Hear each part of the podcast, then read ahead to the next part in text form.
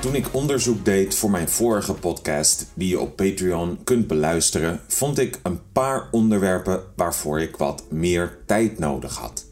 Dit was omdat de onderwerpen ingewikkeld waren en ook belangrijk voor Nederland. En deze verdienden een eigen podcast. Dus ik moest nog wat meer huiswerk doen. Het onderwerp van vandaag heeft te maken met de voormalige Nederlandse kolonie Suriname. Suriname is een republiek aan de noordkust van Zuid-Amerika. De hoofdstad is Paramaribo. Het land was bijna 300 jaar lang kolonie van Nederland. In 1975 werd Suriname onafhankelijk, maar het heeft nog steeds veel banden met Nederland, economische en culturele banden. Eh, ik ben zelf nog nooit in Suriname geweest, maar ik zou graag een keer gaan. En wie ben ik? Ik ben Martijn, ik ben docent NT2. Ik geef Nederlandse les aan mensen die de taal willen leren. Uh, en ook sommige mensen die de taal niet willen leren, maar naar school moeten. Um, en ik doe deze podcast om je te laten oefenen met luisteren uh, en met lezen. Uh, want als je de podcast leuk vindt en je meer wil doen, dan kun je je voor 3 euro per maand abonneren op Patreon. Dan krijg je per maand twee extra podcasts en alle transcripties. En als je tips, vragen of opmerkingen hebt, zijn die altijd welkom. Je kunt me ook volgen op Instagram en YouTube. Eh, alle links staan in de beschrijving. Maar nu terug naar Suriname. Er zijn tekenen dat daar 10.000 jaar geleden al mensen woonden, maar door de kolonisatie is de samenstelling van de bevolking erg veranderd. De oorspronkelijke bewoners van Suriname waren de Arawak, de Akurio en nog een aantal andere stammen. Een deel van deze cultuur wordt nog steeds in leven gehouden door inwoners van Suriname. Deze mensen wonen vooral in het binnenland. Een kwart van de inwoners van Suriname is Hindoestaans. Dit zijn vooral afstammelingen van Brits-Indische contractarbeiders. Zo waren er ook contractarbeiders uit Indonesië en China.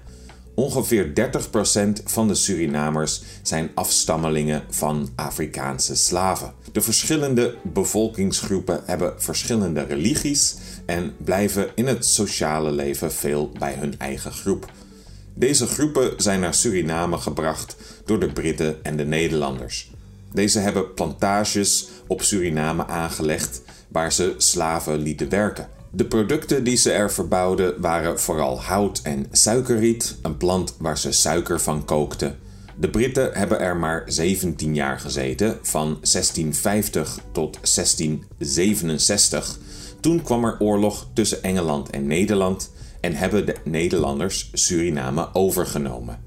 De Engelsen namen Nieuw-Amsterdam over en noemden het New York. Na de oorlog hebben de twee landen besloten het zo te houden. Veel van de Engelse kolonisten in Suriname gingen naar Jamaica om daar nieuwe plantages te starten. Ze vonden het planten van suikerriet een goed idee en hebben dit meegenomen naar Jamaica. In 1863 werd de slavernij in Suriname opgeheven. Dit gebeurde door internationale druk en door het groeiende verzet van de Surinaamse bevolking. Ex-slaven konden nog steeds op plantages werken, maar alleen als ze een contract kregen, omdat er door het einde van de slavernij te weinig werkers op de plantages waren, werden er contractarbeiders uit landen als Indonesië, China en India naar Suriname gebracht. Eigenlijk was dit nog steeds een vorm van slavernij, maar dan onder een mooiere naam. De werkers kregen wel een contract, maar dat kregen ze ook als ze helemaal niet in Suriname wilden werken. Sommige mensen werden zelfs gedrogeerd en werden wakker als contractarbeiders op schepen op weg naar Zuid-Amerika. Het zou nog meer dan 100 jaar duren voordat Suriname onafhankelijk werd. Pas na de Tweede Wereldoorlog begreep Nederland dat het niet leuk was om een kolonie te zijn. We waren natuurlijk in de oorlog zelf een kolonie geweest van Duitsland. Na de oorlog vierden wij onze vrijheid en het contrast met de koloniën was te groot om te negeren. Al tijdens de oorlog zei koningin Juliana in een radiotoespraak dat de koloniën meer vrijheid zouden krijgen na de oorlog. In 1954 werd dit officieel in de wet vastgelegd. In 1973 vonden de politieke partijen in Nederland dat Nederland geen koloniën meer moest hebben. Ze vonden koloniën ouderwets en wilden complete vrijheid voor iedereen. Na de onafhankelijkheid van Suriname zijn er aan het einde van de jaren 70 of het begin van de jaren 80 veel mensen uit Suriname naar Nederland gekomen. In totaal hebben we in Nederland ongeveer 350.000 Surinamers. En dat is veel, want in Suriname zelf wonen op dit moment ongeveer 600.000 mensen. Meer dan een derde woont dus in Nederland. De Nederlandse regering was er niet op voorbereid dat zoveel Surinamers naar Nederland zouden komen. Ze hadden verwacht dat de Surinamers gelukkig zouden zijn met de onafhankelijkheid van hun land. Er waren echter spanningen tussen de Creolen en de Hindoestanen en mensen waren bang voor een oorlog. Uiteindelijk was het niet een conflict tussen de Creolen en de Hindoestanen die de geschiedenis van Suriname veranderde. In 1980 was er een conflict tussen de regering en het leger. Desi Bouterse, commandant in het leger, pleegde met 17 andere soldaten een staatsgreep en zette de regering af. Volgens sommigen gebeurde dit met de hulp van de CIA, maar dit weet alleen de CIA zelf zeker. De staatsgreep was niet helemaal onpopulair bij de bevolking, omdat de regering niet heel populair was. Er was veel werkeloosheid, bovendien vielen er bij de staatsgreep relatief weinig doden. Maar ook Bouterse en zijn groep militairen kon het land niet uit de economische crisis trekken. En om zichzelf rijk te maken, handelden de militairen in cocaïne en wapens. Er was geen vrijheid van de pers meer, er was een avondklok en politieke partijen waren verboden. Er kwam steeds meer kritiek op de dictator en zijn dictatuur. Op 11 maart 1982 was er een tegenkoep van twee andere militairen, maar deze mislukte. Dat de militairen een tegenkoep probeerden, liet wel zien hoe weinig populair Bouterse was. Tegen het einde van het jaar was iedereen in Suriname tegen hem. Als burgers zich niet gedroegen zoals Bouterse wilde, martelde en executeerde hij ze zonder proces. Het bekendste voorbeeld daarvan is wat we de decembermoorden noemen. Omdat Bouterse zoveel kritiek kreeg, besloot hij op 8 december 1982 een voorbeeld te stellen. Om mensen bang te maken.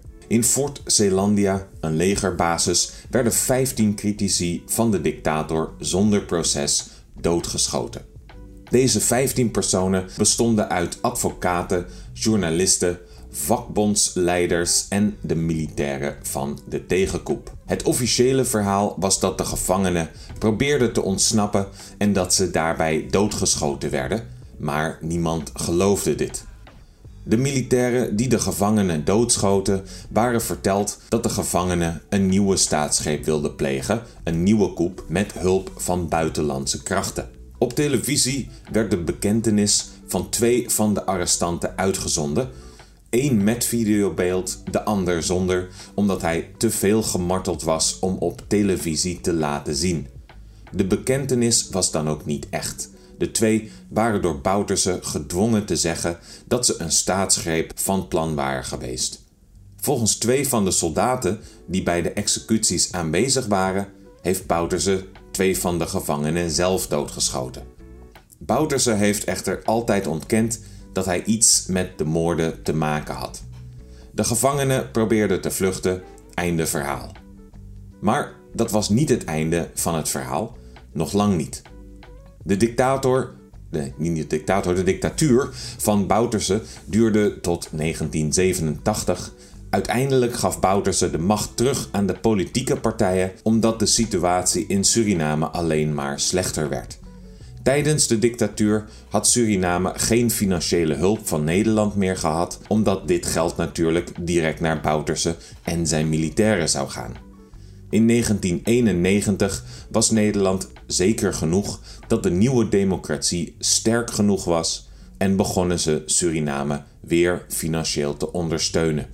Ronald Venetiaan was de nieuwe president en hij was een gezworen vijand van Bouterse. Zijn economische policy werkte en na tien jaar was het Zuid-Amerikaanse land weer een economisch gezond land. Maar in 2010 gebeurde het ondenkbare. In democratische verkiezingen voor een nieuwe president won Desi Bouterse.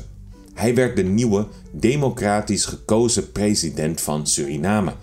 Hoe kon dit gebeuren? Bouterse had in de jaren sinds zijn dictatuur niet stilgezeten. Hij had veel vrienden gemaakt en geld verdiend en hij wist wat de Surinamers wilden. Een probleem bij veel politieke partijen was dat hun politici geen charme hadden, geen persoonlijkheid. Die had Bouterse wel. Ook was er nog genoeg onvrede over de economische en politieke situatie in Suriname dat mensen zijn verkiezingsbeloftes verwelkomden. Wat beloofde hij? Hij beloofde onder andere betere infrastructuur, kinderbijslag, gratis ziektekostenverzekeringen, meer woningen en hogere lonen. In veel van deze dingen slaagde hij ook. Veel van de mensen die op hem stemden waren ook te jong om zich de decembermoorden of zijn dictatuur goed te kunnen herinneren. Voor hen was geld verdienen belangrijker dan het verleden en Daisy Bouterse bracht meer geld binnen. Niet altijd door zijn eigen beslissingen, soms had hij gewoon geluk. De goudprijzen stegen bijvoorbeeld enorm tussen 2010 en 2013 en Bouterse kon deals sluiten met Amerikaanse bedrijven die graag naar goud zochten in Suriname. Dat was toeval, maar de mensen zagen dit als iets dat Bouterse voor elkaar had gekregen. Zo kon hij in 2015 weer herkozen worden. Een van de verkiezingsbeloften die hij niet hield was dat hij het onderzoek naar de decembermoorden en andere misdaden met rust zou laten. Zodra hij president werd, nam hij een amnestiewet aan om iedereen die bij de moorden betrokken was geweest, amnestie te verlenen. Ook aan zichzelf. In 2020 lukte het Bouterse niet om voor een derde termijn herkozen te worden. Zijn partij verloor de verkiezingen. Kregen ze eerder nog 50% van de stemmen, nu kregen ze slechts een derde. De Surinaamse bevolking was verdeeld. Aan de ene kant had je de aanhangers van Bouterse die veel geld aan hem verdiend hadden. Aan de andere kant waren daar de mensen die tegen hem waren vanwege zijn historie en de vele schandalen die hij ook tijdens zijn presidentschap veroorzaakt had. Zijn zoon was bijvoorbeeld in Amerika veroordeeld tot 16 jaar gevangenisstraf. Amerikaanse agenten hadden gedaan alsof ze terroristen waren en de zoon van Bouterse had beloofd ze te trainen in de jungles van Suriname voor een terroristische aanslag in Amerika. Het probleem met de schandalen was alleen geweest dat schandalen gewoon waren voor de Surinaamse regering. De vorige president had aan het einde van zijn presidentschap 65.000 euro meegenomen om zijn huis te schilderen. De Surinamers waren dus niet erg geschokt wanneer een politicus iets illegaals deed. Bouterse was al een keer veroordeeld voor drugshandel. Deze veroordeling was alleen in Nederland door een Nederlandse rechtbank. Die konden niets doen in Suriname, dus Bouterse is nooit gearresteerd. Hij is ook nooit meer naar Nederland gekomen, maar helaas voor Bouterse werd zijn amnestiewet veranderd en konden hij en de 33 mensen die mede verantwoordelijk waren voor de decembermoorden toch vervolgd worden. Het proces startte in 2000. In Suriname waren de meningen verdeeld. Sommige mensen vonden het goed dat er een proces kwam om de pijn uit het verleden te helen. Maar andere mensen vonden dat het verleden vergeten moest worden en dat naar de toekomst gekeken moest worden. De rechter vond dat er ook naar het verleden gekeken moest worden en het proces ging verder. Het proces heeft in totaal 23 jaar geduurd. Een van de redenen dat het zo lang geduurd heeft, is dat de advocaten van Bouterse hun best gedaan hebben om zo moeilijk mogelijk te doen. Elke keer dat ze het proces konden vertragen, deden ze dit. In 2007 heeft Bouterse zijn excuses aangeboden voor de moorden, maar daarbij zei hij dat het nodig was geweest om deze mensen dood te maken omdat het zij of wij waren. En dat hij zelf niet bij de moorden aanwezig geweest was. Hij was alleen politiek verantwoordelijk, zei hij.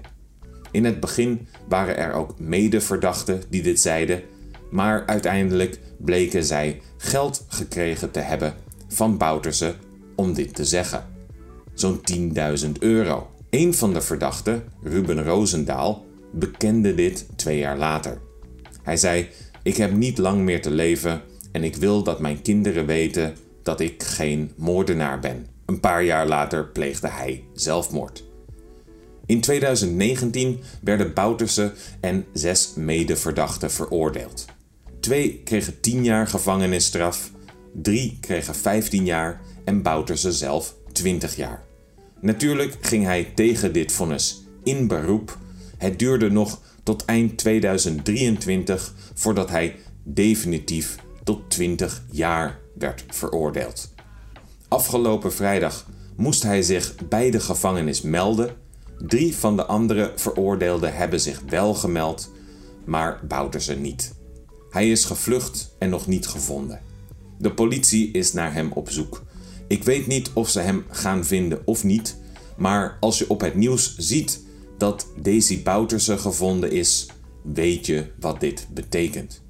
Dit is dus een podcast met een open einde. Wat denk jij? Hoe kunnen we de pijn van het verleden het beste helen door de daders te bestraffen of door het verleden proberen te vergeten? Laat het me weten in de comments. Tot de volgende podcast. Doei!